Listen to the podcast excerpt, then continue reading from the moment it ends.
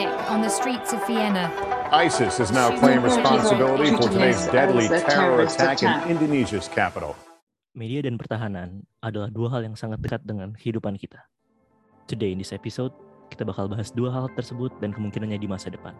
This is Podcast Imaginative Season 2.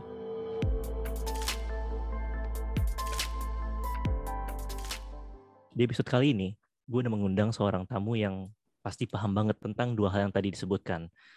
Beliau punya track record yang banyak banget, mulai dari PhD Defense and Security dari Cranfield University, pernah menjadi jurnalis dan editor di Detik, dan sekarang sebagai seorang Head of Center for Intermestic and Diplomatic Engagement sambil mengajar di Cranfield dan Paramadina University.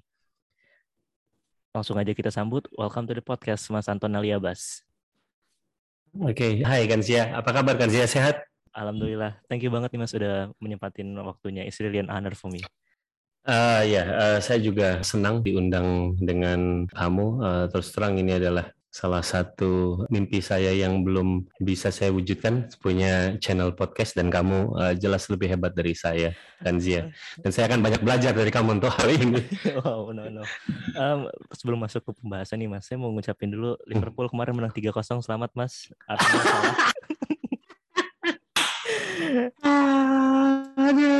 Kalau dulu uh, saya waktu kuliah, uh, saya selalu pusing kalau udah Liverpool kalah itu langsung mood saya langsung jatuh, nggak akan saya ngerti gitu. Jadi Liverpool itu adalah salah satu yang bisa mempengaruhi mood saya dan uh, senang uh, mau salah apalagi dia bisa buat rekor gitu ya. Um, ini sebenarnya banyak banget yang mau dibahas nih mas, tapi saya mau mulai dari empat tahun di detik itu boleh ceritain nggak mas pengalamannya gimana aja? Iya, uh, sebenarnya uh, tidak pas empat tahun, justru hampir enam tahun karena saya sudah quote unquote bekerja di Detik itu dari tahun 2000 ketika saya masih menjadi mahasiswa. Tahun 2000 itu ada channel kanal kampus yang dia mengakomodir pers mahasiswa uh, seluruh Indonesia untuk bisa kontribusi dan saya aktif di situ hmm. dan ketika kanal kampus itu tutup saya ditawari mau nggak untuk jadi jurnalis beneran di Detik dan saya menyanggupi ikut seleksi dan akhirnya terima.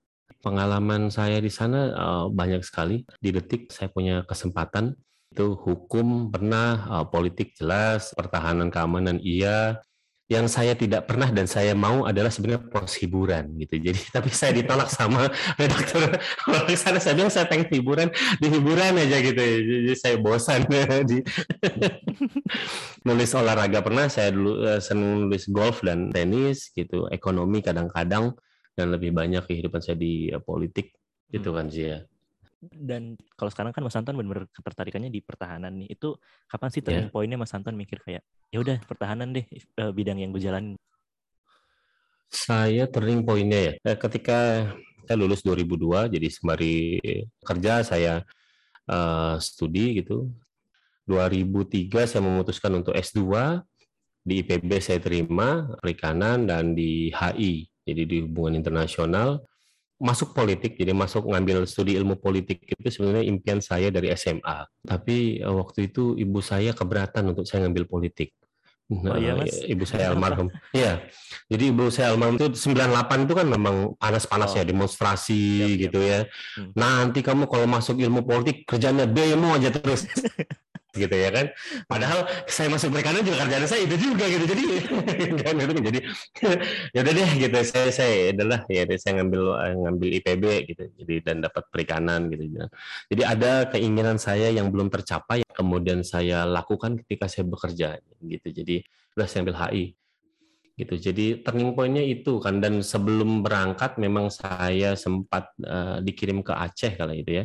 Ada ada darurat militer di Aceh uh, bulan Mei tahun 2003 dan saya di sana dua bulan gitu. Jadi saya pernah dididik oleh uh, tentara gitu karena waktu itu hanya dengan melalui pendidikan tentara saya bisa ditugaskan ke Aceh. Jadi mau tidak mau saya harus ikut pendidikan ala militer di Kostrad. Ada sertifikatnya aja saya pakai baju seragam tentara. Gitu situ saya belajar banyak. Nah dari situlah ketertarikan ketertarikan saya. Oh ya kayaknya belajar HI enak. Gitu. Uh, sampai akhirnya uh, ketika saya ngambil yang S2 yang kedua juga purely manajemen pertahanan. Itu jadi turning point-nya sih itu. Selama menjadi jurnalis di Detik, Mas, ada nggak sih momen-momen mm -hmm. yang paling menegangkan atau berbahaya? Karena kan pasti pada mikirnya jurnalis tuh yang bakal ada live report ketika ada momen atau event-event yang bahkan berbahaya kan. Setidaknya yang saya ingat waktu itu ketika saya di Aceh waktu itu di Lok Sumawe itu paling deg-degan ya, paling deg-degan karena kami memang jurnalis eh, nggak uh, pakai emblem-emblem apa-apa gitu jadi nggak pakai jaket tulisannya pers ya cuma uh, ada ID aja gitu uh, pernah satu momen kita dapat kabar bahwa ini tentara itu berhasil menggerebek sebuah rumah tempat bilangnya adalah gudang penyimpanan senjata GAM. Nah, kita datang gitu, memang di dalam itu ada yang bekas galian gitu ya kan. Waktu itu sih belum ada uh, smartphone kayak sekarang ya. Jadi cuma ngelihat kita nyatet gitu kan, nyatet nyari kayak gini untuk biar bisa rekonstruksi. Lagi di rumah itu kita ditembakin gam. Wow. Wah, itu udah udah udah, udah, udah tiduran, udah waduh nih gitu. Jadi itu yang yang yang yang uh, bagi saya cukup deg-degan gitu ya, deg-degan ketika lagi liputan di situ, kemudian rumahnya ditembaki gitu ya. Um, ingatan pertama saya tentang teror tuh kan yang video bukan video waktu rumah siapa yang digerebek ya waktu itu uh, yang ngebom hotel Ritz Carlton maksudnya itu ingatan pertama saya dan yang saya rasa paling dekat dengan teror gitu nggak langsung ditembakin di mm -hmm. gam itu kayak mm -hmm. satu berarti walking into trap gitu ya saya sih jadi yeah, yeah. pada saya kursi sih mas takut itu bukannya ayat kursi itu kayaknya jus amal dah apa tuh. Ya Allah Tuhan tuh dekat banget. Gitu. Udah udah pokoknya udah sembunyi sembunyi sembunyi sembunyi sembunyi gitu. Tuh tuh tuh tuh gitu. Waduh udah apa namanya udah udah udah nggak kebayang ya. Oh, waktu itu perasaan uh, deg-degannya kayak apa ya? Rumah ditembakin saya lagi di rumah itu ya kan gitu. Dan saya pun pernah sempat dicari-cari sama apa namanya sama pom di Lok Sumawe hmm. itu gara-gara pemberitaan kantor. Jadi Jakarta nulis tentang diskriminasi. Jadi memang peliputan kali itu memang ada diskriminasi ya tentang akses pemberitaan. Komandan tentara kala itu yang di Lok Sumawe itu lebih prefer sama satu uh, stasiun TV kondisi itu ditulis uh, oleh korlip saya kala itu dalam pemberitaan tapi atas nama saya. Hmm gitu. Jadi atas nama byline-nya Anton Aliabas. Waktu itu kami masih ada uh, rapat ya, rapat uh, jurnalis-jurnalis yang yang yang dikirim ke Aceh itu kita rapat. Waktu itu malam-malam masih ada almarhum eh, Ersa Siregar yang kalau kamu masih ingat siapa yang yang wartawan RCTI yang diculik. Hmm. Kalau ada Ferry Santoro, jadi ada lintas wartawan lah waktu itu di situ rapat. Kita ingin uh, menyikapi ya, menyikapi soal diskriminasi ini kayak apa. Nah, ketika rapat itu saya dapat SMS dari teman yang ada di hotel karena hotel kami itu cuma seberang-seberangan sama markas TNI. Ton, jangan pulang, uh, kamu dicari tentara. Gitu, oke, okay, gitu ya kan. Rupanya saya bilang gara-gara apa nih pemberitaan saya aman-aman. Ternyata pas ngelihat, ya nggak ngomong-ngomong gitu. Jadi kucing-kucingan lah mainnya gitu. Jadi uh, bilang pokoknya nggak tahu nggak tahu. Karena prajurit yang datang ke hotel nggak tahu muka cuma tahu nama. Hmm. Hmm, hmm. gitu. Cuma tahu nama gitu ya. Jadi oh kabur gitu. Jadi uh, itu untungnya ya bukan kayak zaman sekarang ya. Tinggal yeah. googling wah muka Anton yang kayak gini nih udah langsung di diincar ya kan. Nah kalau dulu kan berhubung masih terbatas masih pakai SMS gitu ya. Masih banyak keterbatasan untuk akses internet uh, alhamdulillah ya masih bisa kabur-kaburan dan saya nggak nggak kena periksa sama pom TNI kala itu itu sih oh. ya uh, saya, saya nangkap ada ada perkembangan di situ berarti kan kayak dengan perkembangan teknologi itu informasi lebih mudah diakses salah satunya kayak tadi bisa aja muka Mas Anton ketahuan duluan gitu. Um, yeah. Menurut Mas perkembangan teknologi sekarang tuh bikin lebih berbahaya atau lebih aman buat jurnalis Mas? Iya, uh, kalau opportunity uh, jelas bahwa kemudian bagi jurnalis untuk mencari informasi, mencari bahan berita itu dengan mudah. Tinggal googling gitu ya, tinggal uh, lihat Twitter, lihat Instagram, lihat media sosial, bisa banyak informasi yang bisa diserap. Lain ketika uh, eranya saya gitu, jadi info akses informasi itu effort yang lebih kalau zaman dulu. Nah kalau sekarang kan enggak. Uh, kemudahan-kemudahan tuh jelas itu opportunity, gitu ya. Tapi ada ancamannya juga. Kenapa ancamannya juga? Karena kemudian uh, media itu tidak bisa lagi bekerja dengan lambat. Tunggu satu jam, ah tunggu. Enggak. Karena ketika di era media sosial, itu media sosial sendiri itu sudah bisa menayangkan informasi. Hmm. Uh, ada live streamnya, ada ada Facebook bisa, ada Instagram bisa, ada live reportnya Twitter bisa, gitu ya. Jadi itu jelas uh, kalau bagi jurnalis dan media itu juga bisa dipersepsikan sebagai threat. Saya sebagai pekerja media tidak bisa lagi harus ah buat nyantai nanti dulu deh enggak. Hmm. karena kalau live report itu udah terus menggelinding dan dia bisa apa namanya hashtagnya jadi mendunia misalnya ngapain lagi eh, saya sebagai eh, warga mau mengakses ke media konvensional yang mendingan ikut kulit aja. Oh dia gitu. Jadi saya tinggal pin gitu saya bisa lihat itu jelas threat. Jadi, jadi ada memang uh, kecepatan uh, dari teknologi itu yang mau tidak mau memaksa media punya dua pilihan. Lu mau ikutin cepat atau lu mati ditinggalin pembaca. Mm-hmm. Gitu. Jadi immediate ya kata immediate itu menjadi penting. Threat yang kedua adalah soal hoax.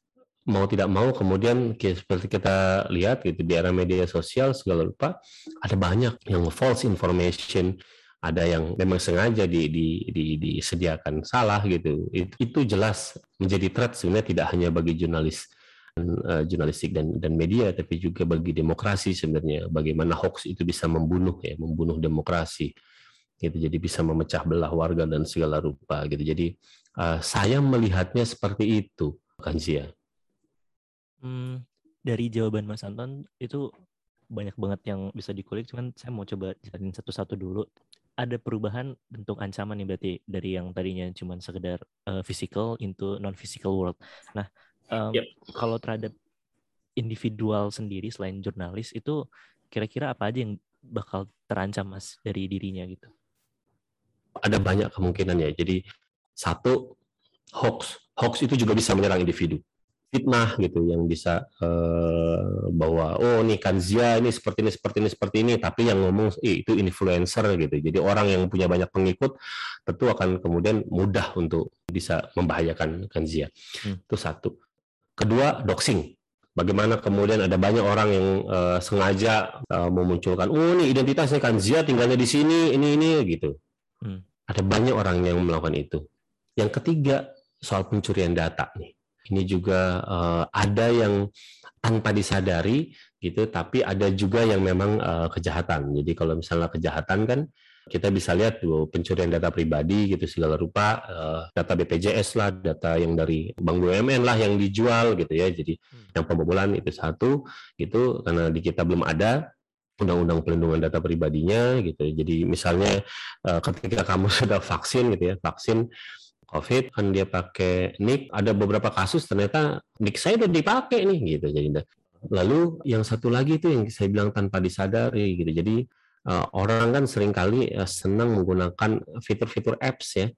Oh ini yang matanya yang bisa kedap-kedip yang foto zaman dulu gitu ya. Hmm. atau TikTok yang sempat uh, menghebohkan gitu ya. Tapi ternyata kan tanpa disadari eh, ketika kita membicarakan soal eh, perkembangan teknologi itu merekam banyak gitu. Jadi uh, yang wajah dia bisa merekam biometrik, bagaimana konfigurasi ruangan dan lain-lain. Makanya kan beberapa institusi di terutama di militer di di sejumlah negara itu melarang untuk TikTok. Hmm. gitu ya. karena uh, ada potensi untuk itu gitu jadi pencurian tanpa di, disadari gitu jadi dan itu kan sering kali kalau misalnya kita uh, ngambil apps ya, jadi download apps di ponsel kan selalu ada mau granted yang mana gitu-gitu. Dia boleh nggak akses ini, akses ini kan gitu. Itu kan tanpa disadari gitu. Apalagi yang misalnya foto, dia pengen akses uh, terhadap uh, galerinya kita gitu kan. Jadi oh ya kita accept aja gitu. Jadi sebenarnya tanpa disadari itu bisa menjadi threat ya potensial threat gitu. Mungkin dia belum jadi imminent threat, belum jadi ancaman yang nyata, tapi itu bisa jadi potensial karena kemudian pemilik apps itu dia bisa uh, membangun algoritma gitu untuk melihat bagaimana kebiasaan kita dan segala rupa. Apalagi kalau misalnya ngomong soal biometrik itu udah dapat untung banyak datanya. Kayak gitu kan sih ya. Hmm. Um, berarti harusnya ada semacam cara dari negara tuh untuk melindungi uh, masyarakatnya gitu kan. Cuman backfire-nya adalah kayak Inggris tuh sekarang menggunakan more surveillance mas. Jadi kayak di jalan-jalan besar tuh uh, ada kamera namanya Big Brother. Kalau ada yang kira-kira dicocokin sama face detectionnya mirip teroris tuh ditahan. di dia dia ngobrol, okay. ditunjukin face ID gitu-gitunya mas. Nah, hmm. berarti gimana seharusnya uh, negara tuh bereaksi terhadap empat ancaman baru ini terhadap individuals dan apakah more surveillance itu berarti lebih safe atau justru lebih mengancam mas dari face detection? Iya. Yeah soal surveillance ini itu memang ada dilemanya gitu. Jadi ada dilemanya. Tapi perlindungan kayak apa? Sebenarnya perlindungannya eh, bagi saya jelas misalnya negara harus eh, menjamin bagaimana data pribadi yang dikumpulkan oleh negara melalui IKTP misalnya, apalagi nanti kita mau pakai SIN misalnya single identity number, bagaimana itu dikelola dan bagaimana itu dilindungi.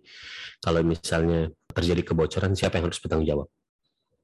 Gitu. Dan lalu ketika pemerintah ingin memberikan akses kepada pihak ketiga bagaimana posisi kita? Misalnya eh, pemerintah oh ini dia kasih ke bank. Apakah kita pernah waktu itu misalnya ketika ngisi data iktp itu mengizinkan ada penggunaan pihak ketiga? Kan nggak pernah ada. Ketika kamu saya ngisi KTP seingat saya saya waktu itu ngisi KTP saya nggak pernah mencontoh jadi saya memberi konsen kepada pemerintah untuk memberikan itu kepada bank misalnya atau memberikan itu kepada pihak ketiga untuk untuk siapa pun itu. Jadi semestinya kan ada konsen itu dulu gitu. Jadi ada perlindungan yang proper. Memang jadi rumit gitu. Jadi rumit karena kemudian pemerintahnya sendiri nggak serius maunya memang menjaga kerahasiaan dari aspek mereka tapi ketika urusan melindungi uh, data pribadi warganya uh, pemerintah uh, terkesannya sangat enggan untuk uh, melakukan uh, hal itu ataupun membuat kebijakan yang progresif dalam melindungi itu. Sejauh ini uh, saya melihatnya belum ada, belum lagi ini belum lagi dan ini juga masih menjadi perdebatan ya ketika kita ngomong tentang surveillance, demokrasi dan COVID. Ya, ini ini sebenarnya uh, salah satu topik skripsi yang uh, menarik kalau kamu uh, kalaupun ada yang di Paramadina yang ingin mengambil topik ini I'm happy to be your supervisor gitu ya. Jadi bagaimana kemudian ketika kita ngomong surveillance ya, ini kan ada freedom of movement sebenarnya warga. Dalam beberapa case, waktu itu saya pernah lihat nih case ada di Singapura, ada di Hong Kong, ada di Taiwan. Bagaimana misalnya mereka yang uh, pada tahun lalu ya, pada tahun lalu, ini kita nggak bicara yang sekarang, bagaimana kemudian uh, mereka yang uh, positif uh, COVID misalnya, dan dia, dia harus diisolasi di rumah misalnya. Nah, di rumah dia pakai gelang ataupun dia harus mengunduh apps tertentu, dia harus uh, membuat koordinat di rumah itu di pojok-pojoknya.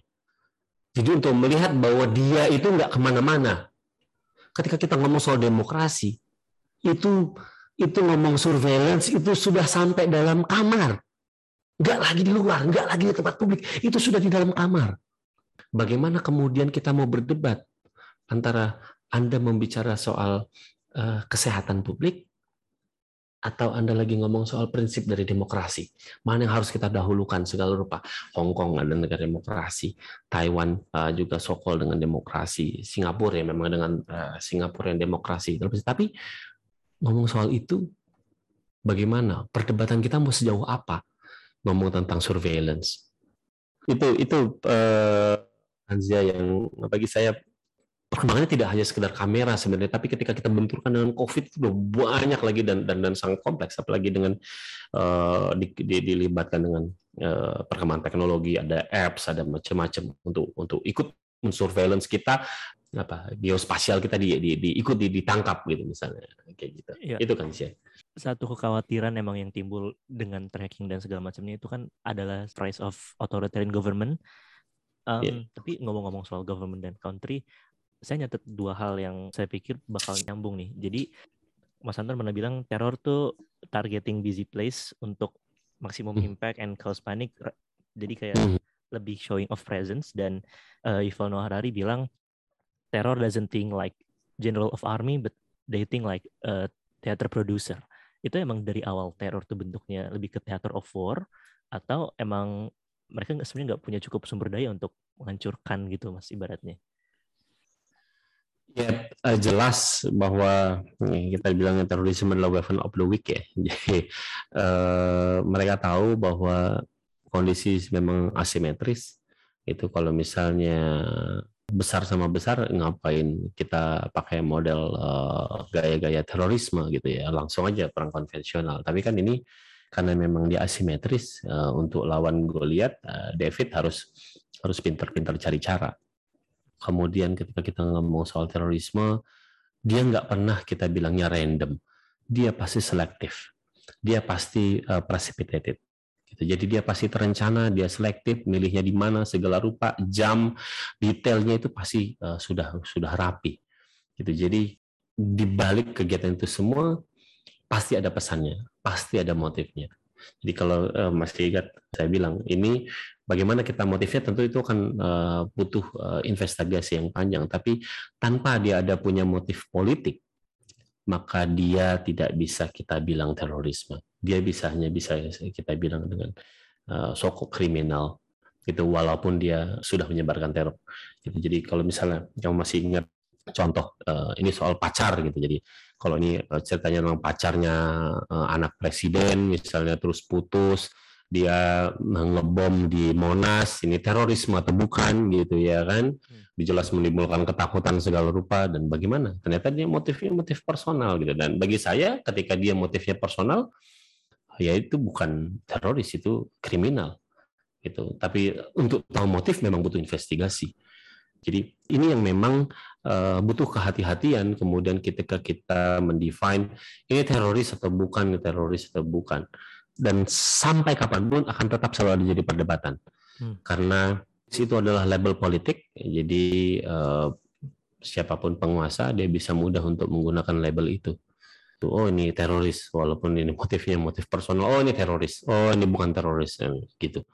Tapi bagi saya ya tadi dia pasti terencana walaupun dia itu letaknya di mana nggak ada kan. Tapi terencana dia selektif dan selalu harus ada dia motif politiknya. Kalau saya seperti itu sih Um, tadi mau nanya apa lupa? Oh iya. um, jadi dalam dalam perkembangannya Dimas berarti ada semacam showing off yang ditunjukkan. Nah, kira-kira di era teknologi gini, apakah media tuh mengamplify ketakutan yang disebabkan oleh teroris, Mas?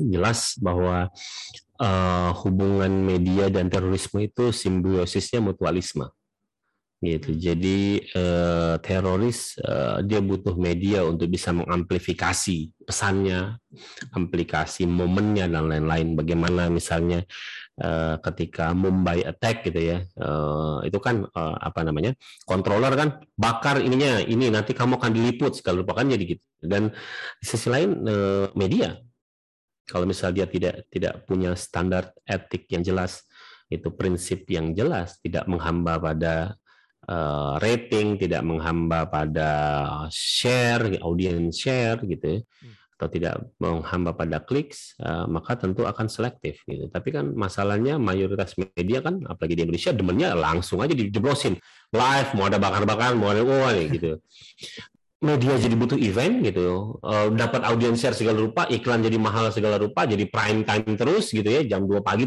tetap prime time gitu harga iklannya. Hmm. Gitu. Tapi di sisi lain teroris butuh untuk itu. Gitu. Jadi uh, hubungan mereka saya melihatnya itu simbiosis mutualisme. Tricky memang ketika ngomong soal media karena kemudian masyarakat itu juga seakan-akan juga memang butuh update korbannya berapa siapa sih nama korbannya pengen buru-buru gitu punya ini yang susah-susah mudah untuk untuk dikelola ketika publiknya juga menginginkan ya menginginkan informasi tadi yang saya bilang cepat gitu. Tapi di sisi lain karena memang ada kebutuhan ya. Eh, saya masih ingat waktu itu di Detikom eh, kita pernah buat hang eh, bandwidth se Indonesia gitu ya tahun 2003 ketika serangan invasi Amerika Serikat ke Irak. Hmm. gitu. Jadi Detikom sempat sempat ditegur sama kominfo gitu ya. Karena itu makan bandwidthnya terus. Jadi pada saat yang sama orang mengakses detikom. Itu detikom itu udah udah apa namanya uh, lambat di refresh jadi uh, berita itu sampai delay segala rupa. Udah down. Oh ya udah kita udah nyantai aja tuh buat berita. Naikin berita sekarang belum tentu langsung tayang. Kali nanti dua jam lagi tiga jam. Karena itu udah buat down. Hmm udah kantor udah udah down nggak usah dicari udah nyantai aja udah gitu aja udah oh bagaimana gitu. Jadi salah satu uh, keinginan pembaca yang juga harus direspon ya. Uh, mau tidak mau kan memang uh, kemudian setiap media akan mengidentifikasi ya siapa pembacanya. Detikom, Kompas, Tribun, Tempo dan lain-lain itu style penulisannya akan berbeda-beda. Itu tergantung pada pembacanya itu dan kekinian walaupun kekinian gitu ya dia tidak hanya uh, pembaca gitu. Jadi karakteristik media itu tidak lagi hanya bernilai pada pembaca tapi kemudian pembaca. Karena tadi saya bilang ada hoax gitu ya ada false information mau tidak mau kan itu sebenarnya harus membuka ruang ya membuka ruang partisipatori bagaimana publik untuk membenarkan yang itu? Saya baca misalnya soal pertahanan gitu yang nulis uh, situs tertentu semestinya saya bisa dong kontribusi. Itu data itu salah tuh. Saya harus kasih nih misalnya. Saya sebagai expert gitu saya bisa alih. Kan itu sebenarnya ruang-ruang yang uh, sudah sejauh mungkin untuk bisa dibuka. Kenapa? Karena tidak semua media itu punya kemampuan lead bank yang memadai. Kalau misalnya kita punya ada kata data jelas dia oh, resource-nya untuk lead banknya kuat gitu ya. Untuk uh, research-nya kuat. Tapi tidak semua kemudian itu. Bagaimana untuk fact checker apa namanya informasi, gambar segala rupa. Ada sekarang video yang bisa dimodifikasi gitu ya. Jadi kalau ngeliat film-film Amerika kan, wah ini kita nggak pernah ketemu, tiba-tiba bisa dibuat ketemu secara real mungkin gitu ya videonya gitu ya kan. Itu, nah itu kan fact checkernya kayak apa? Gitu. Tanpa mau tidak mau kan kemudian eh, kita harus buka sebenarnya untuk ngomong soal fact checker. Belum lagi kan selalu kalau misalnya kamu baca sumber mengatakan bla bla bla bla bla. Ya. Sekarang pembaca udah jauh lebih kritis. Akan bisa bertanya, itu data lu valid nggak ya? Iya kan? Itu data lu valid nggak ya? Mau tidak mau, kemudian media juga harus lebih transparan. Bagaimana dia gather datanya? Data itu data dari mana? Tidak hanya sekarang. Kalau dulu di eranya saya mungkin bisa, wah sumber mengatakan bla bla bla bla. Oke, okay, sumber memang harus dilindungi. Tapi ketika ngomong soal data, Anda harus bisa transparan. Datanya Anda dapat dari mana? Itu itu yang kemudian ke depan akan makin banyak. Jadi ketika ini ketika kita ngomong soal terorisme, oh ini kan itu sebenarnya informasi sepihak ya. Ini polisi merilis ya, ini 37. Tapi ada nggak verifikasi yang lain? Ini uh, kenapa dia terorisme? Detail gitu ya. Jadi uh, gue evil soal di detail gitu. Jadi bagaimana kamu verifikasi uh, pernyataan polisi itu? Nah, itu kan itu menjadi menarik gitu. Jadi ketika kita ngomong mereka di satu sisi memang di hubungannya simbiosis mutualisme, tapi ketika kekinian akan ada banyak elemen-elemen yang membuat uh, simbiosis itu menjadi lebih kompleks. Yap, yap. Eh, saya jadi keinget satu saying yang bilang lebah tuh nggak bisa ngacak-ngacak rumah, tapi kalau lebahnya masuk ke telinga kerbau, terus kebunnya ngacak-ngacak rumah, itu bisa karena lebahnya di dalam tuh berteriak-teriak aja dalam kepala kerbau itu berarti ada satu gambaran kayak the future threats itu bakal abstrak banget kayak lagunya John Lennon Imagine gitu kan abstrak. Um, terus kalau in terms of cyber war nih mas cyber warfare yang mm-hmm. kan lagi up to date juga istilahnya itu uh, seberapa mungkin terjadi atau seberapa siap kita untuk ngadepin itu? Kamu nanyanya paling berat ini seberapa siap? Oh, saya kalau rahasia negara nggak apa-apa kalau... bisa dijawab. Enggak, bukan, bukan, bukan, bukan soal itu. Uh, masalahnya adalah soal sudahkah elit-elit uh, yang yang mengelola negara ini itu sudah menganggap cyber warfare adalah uh, threat, eminent threat bagi kita. Hmm. Gitu. Itu kan pertanyaannya itu. Gitu. Jadi kalau kita bicara soal mungkin, mungkin dong. Bagaimana misalnya kasus uh, Trump dan Rusia ya, jadi yang uh, ya, ya. menarik kan gitu. Jadi bagaimana bagaimana membuktikannya itu juga juga sudah uh, jelas susah. Itu itu satu. Kalau misal tadi pertanyaan pertama kamu adalah mungkin Oh, jelas mungkin gitu. Jadi ke depan nggak hanya ngomong soal cyber, ngomong soal robotik gitu juga itu. Gitu. Jadi uh, itu sangat sangat sangat mungkin. Gitu. Jadi udah bukan cuma sangat mungkin, tapi sangat sangat sangat mungkin gitu karena perkembangannya di sana. Gitu. Jadi berapa banyak gitu misalnya uh, apa namanya hacking terhadap.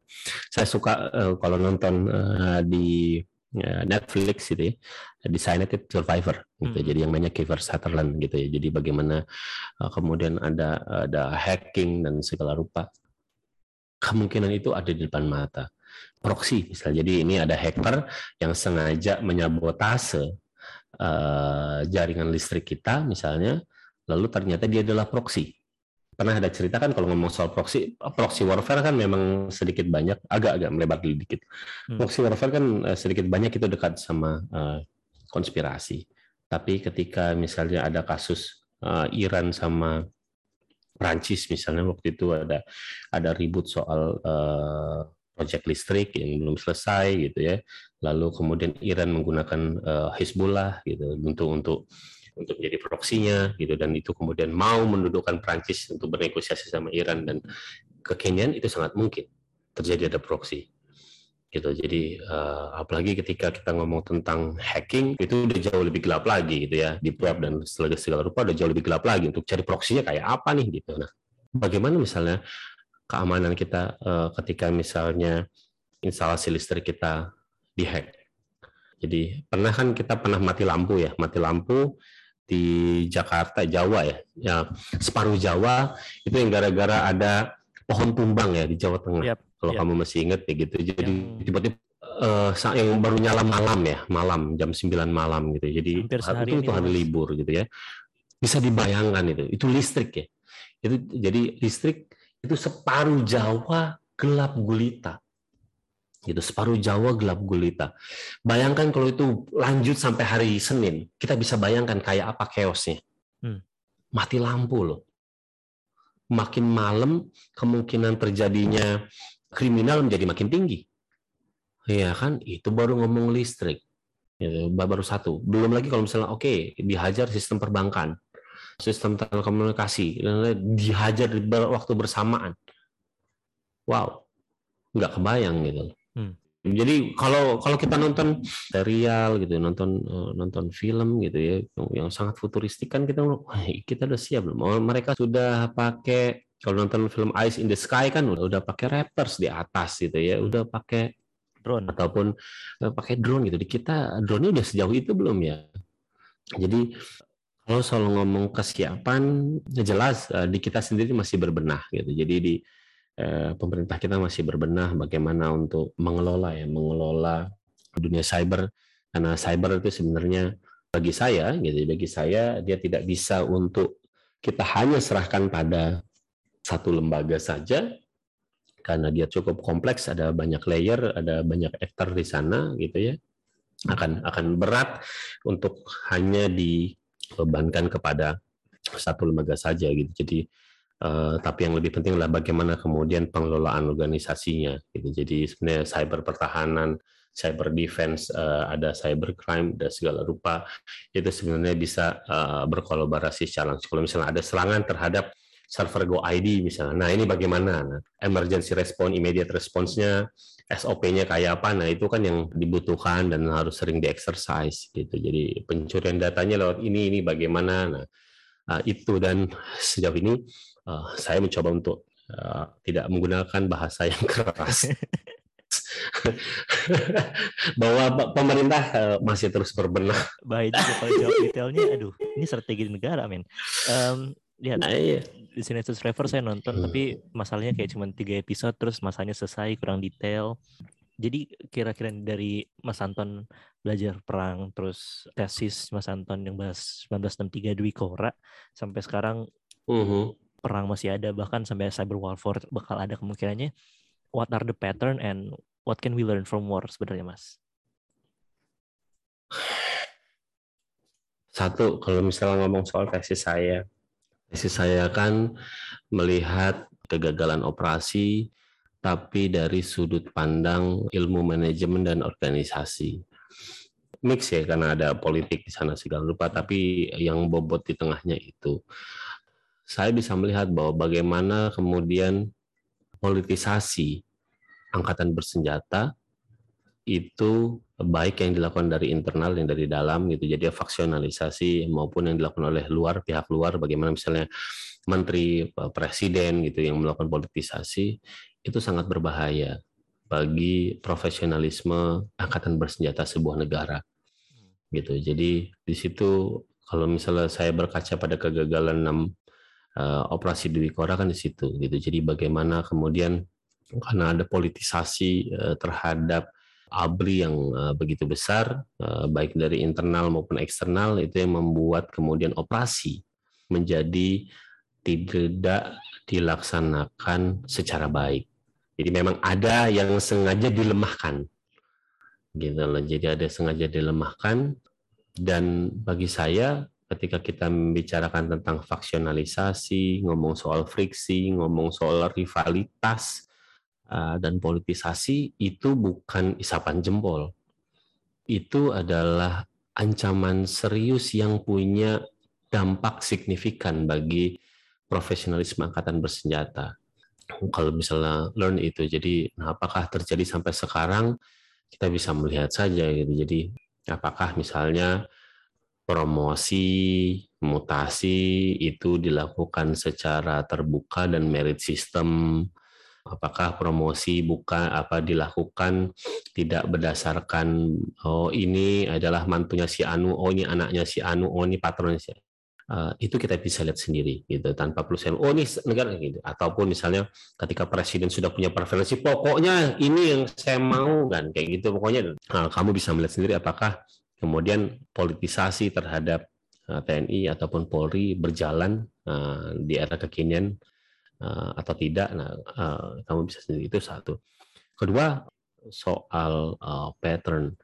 Patternnya tentu saja ke depan saya menduganya. Jadi ini agak-agak futuristik ya. Saya menduganya mungkin ya mungkin bagi negara-negara maju mereka tidak lagi banyak untuk uh, menerjunkan uh, manusia di medan tempur ketika teknologi robotik yang terus oh, di apa namanya diperkuat gitu ya. Soal Iron Man itu bagi saya itu imajinasi yang sangat mungkin untuk ke depan ada. Hmm. Bagaimana kemudian mereka menciptakan robot-robot untuk yang kemudian berperang. Terus juga ada drone pesawat, ada yang unmanned vehicle yang di air misalnya, yang juga bisa membawa peluru kendali itu sudah makin banyak. Gitu. Jadi eh, perang kemungkinan itu tidak lagi saya harus invasi kirim terus prajurit turun dulu. Enggak bisa jadi saya bombardir aja dulu dari jauh. Hmm. gitu loh. Atau saya menggunakan teknologi saya rusak dulu aja. Oh saya hancurin dulu aja nih eh, jaringan listrik dan lain-lain. Belum lagi nanti oke okay, kita di media massa kalau dulu di tahun di, di periode saya di 63 67 sudah ada tuh yang ketika kita ngomong soal hoax. Bagaimana hoax diproduksi kan itu bagian dari strategi militer. Nah, kekinian sangat mungkin dan ke depan sangat mungkin itu untuk itu. Jadi ada hoaxnya diproduksi gitu dan di generated melalui media sosial kita bisa lihat bagaimana kalau kebohongan yang terus dilakukan berulang-ulang kan bisa jadi kebenaran. Yep. gitu lah. Jadi uh, itu dilakukan, kemudian sistemnya dihancurkan, terus pakai drone, entah itu di laut dan satelit segala rupa. Sangat mungkin. Belum lagi kita ngomong soal teknologi robot. Robot yang dikirim duluan. Hmm. Itu sangat mungkin terjadi ke depan. Gitu. Jadi patternnya tidak lagi, mungkin belum terjadi di era lima tahun, mungkin belum terjadi. Tapi who knows. Gitu. Jadi ketika uh, mobil sekarang sudah banyak yang bisa parkir sendiri, gitu kan. Jadi yang yang yang otomatis drone yang bisa antar makanan segala rupa, perkembangan teknologi akan jauh-jauh sangat pesat. Eh, perang masa depan akan jauh lebih kompleks, jauh lebih menarik kalau bagi kita sebagai pengkaji HI, termasuk juga kalau misalnya itu dilakukan robot, robot yang dibuat sistem, terus kalau dia melakukan pelanggaran HAM, HAM robot atau HAM kayak siapa nanti harus bertanggung jawab? Itu kan ada kompleksitas tersendiri. Ya, Gitu. Ini kalau ada pelanggaran HAM, siapa yang harus bertanggung jawab? Nah kan akan ada banyak diskusi, akan ada banyak celah untuk kita membayangkan kemudian bagaimana kompleksitas uh, masa depan di era uh, teknologi yang sudah eh, jauh-jauh jauh pesat. Itu kan sih ya. Dan sebagai individual dengan um, thread yang tadi sudah dijelaskan banyak banget sama Mas Anton, kira-kira apa aja mindset atau at least skill basic yang harus kita pelajari atau harus dipunyai oleh seseorang dalam menghadapi ancaman itu, Mas? Pertama, jangan mudah percaya dengan informasi. Uh, verify itu menjadi penting gitu. Jadi apalagi di teknologi sekarang oh ini WhatsApp grup eh, jangan pernah percaya. Cukup ketika ada broadcast berhenti di kamu dan kamu melakukan verifikasi, tidak menyebarkan. Gitu. Jadi verifikasi menjadi penting. Gitu. Walaupun tidak semua orang kemudian punya ya memang tidak semua orang punya kapasitas untuk melakukan verifikasi. Tapi once Anda punya kapasitas melakukan verifikasi, hasil verifikasi Anda Anda sebarkan lagi. Hmm. Gitu. Jadi uh, terlalu banyak uh, hoax, false information dan lain-lain gitu ya. Jadi uh, saya selalu ingat waktu itu kuotasi don't ever trust what you heard and half of what you see. Itu. Jadi verifying itu menjadi penting. Jadi tidak hanya membaca satu dua sumber, tapi sebanyak-banyaknya sumber menjadi penting. Kecuali saya tahu kapasitasnya. Oh, gua kenal nih uh, Tanzania trusted people, uh, saya akan uh, telan bulat-bulat. Meskipun itu uh, kamu dikirimkan oleh temanmu, ya mau tidak mau tetap harus verifying. Kecuali kamu sendiri yang buat. Gitu kan sekarang ini WA group ini entah dokter mana, dokter mana nggak tahu kita, tapi dikirim aja ini verifying itu menjadi penting. Hati-hati, cermat dan cermat memilih sumber ya. Kalau kamu udah percaya pada satu udah susah juga. Kayak kita ngobatin apa nasihatin orang yang jatuh cinta yang kasmaran nih yeah. udah nggak minum air laut nggak ada guna gunanya gitu. Tapi uh, verifying cermat memilih sumber gitu ya. Dan berhati-hati ya berhati-hati. Misalnya berhati-hati gunakan jempol. Kalau antum mau membaca saja it's okay gitu anda baca. Gitu. Tapi once untuk yang ada impact sama kita sendiri lebih baik itu untuk verify verify verify sampai pastikan gitu. Jadi apalagi media media konvensional kita tidak semua punya kemampuan ya kemampuan internal mereka untuk melakukan verifying duluan gitu. Jadi fact checker dulu sebelum mereka menuliskan gitu. Tidak semuanya punya kapasitas untuk itu. Itu sih Kanzia. Uh, kalau sekarang tuh udah mulai banyak banget dibantu kayak turn back hoax, cek Mavindo dan segala macam. Um, ini, ini pertanyaan yang saya pengen tanyain banget mas. Pertanyaan terakhir sih. Knowing the risk dari um, hal-hal seperti ini gitu, defense security, bahkan kena jebakan di, di rumah ditembakin gitu, hampir dibantai. Kenapa Mas Anton masih memilih untuk stay di bidang ini gitu? Maksudnya masih bertahan di bidang pertahanan yang jelas-jelas ini tuh wah ancamannya bukan main-main lagi kan? Uh, uh, satu gini, Kazia kenapa saya jadi saya punya alasan alasan personal kenapa saya ngambil dokter jadi alasan personal saya ngambil dokter itu uh, saya punya alasan personal di balik itu. Jadi dulu almarhum uh, ayah saya almarhum ayah saya itu pengen salah satu anaknya ada yang jadi dokter ya jadi dokter dokter uh, jadi GP ya general practice medis hmm. gitu. Nggak ada nih anaknya satu pun yang jadi dokter. Gitu ya nggak ada anaknya satu pun yang jadi dokter. Dan saya masih kepengen ngewujudin itu. Saya ngomong sama almarhum ibu saya waktu itu masih hidup. Uh, mah ya udah saya ngambil dokter ya. Ya setidaknya kalau ditulis sama dua huruf dr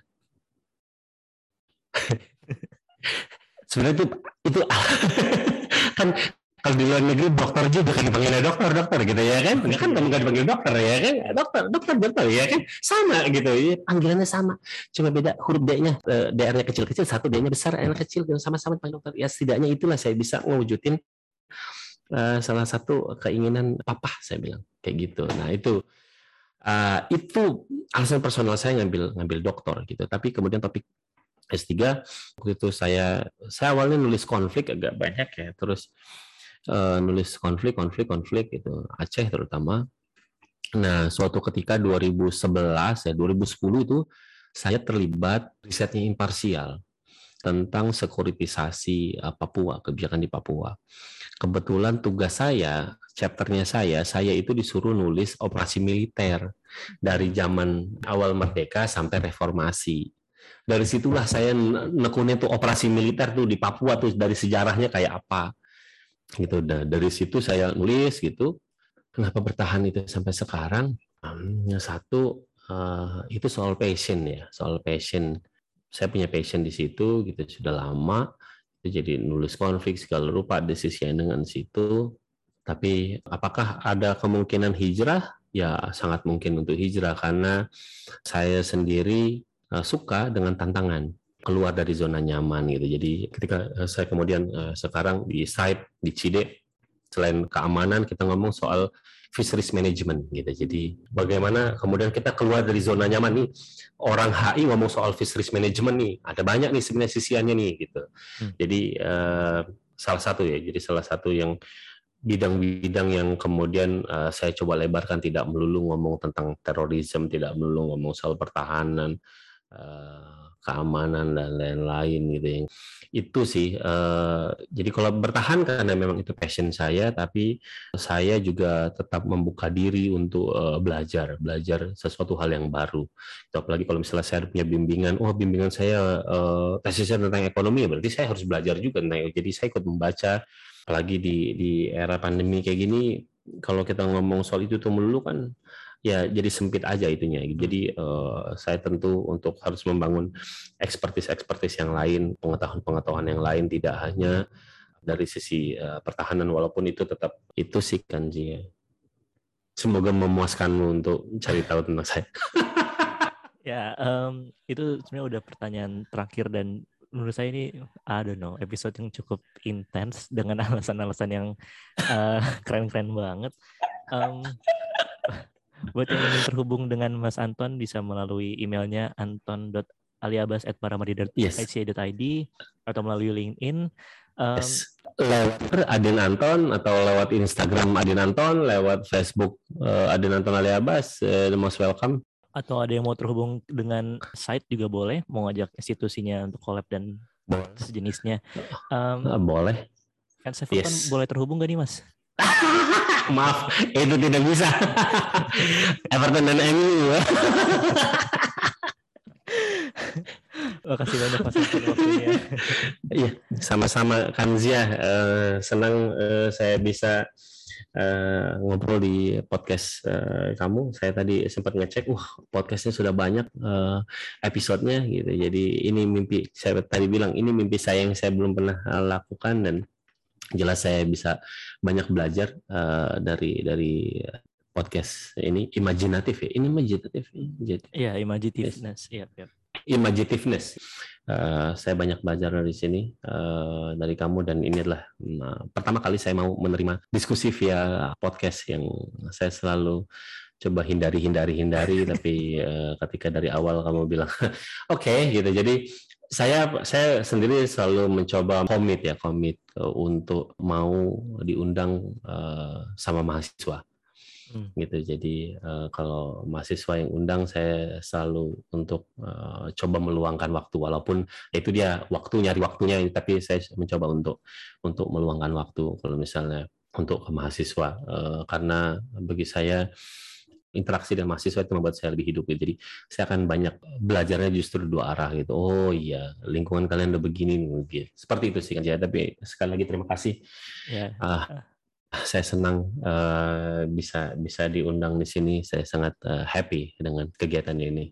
Ya, ini juga sebuah kehormatan bagi saya, Mas Anton. Um, buat teman-teman yang udah nanya di Instagram, tadi udah dimasukin juga beberapa pertanyaannya. Thank you pertanyaannya, bagus-bagus banget. Jangan lupa untuk mau yang diskusi lebih lanjut, tadi kita udah dengar Mas Anton tuh sangat terbuka untuk diskusi dan jangan lupa untuk dengerin juga podcast lainnya. Eh, episode lainnya dari podcast ini, sorry. uh, stay tune di podcast Imagitiveness. See you.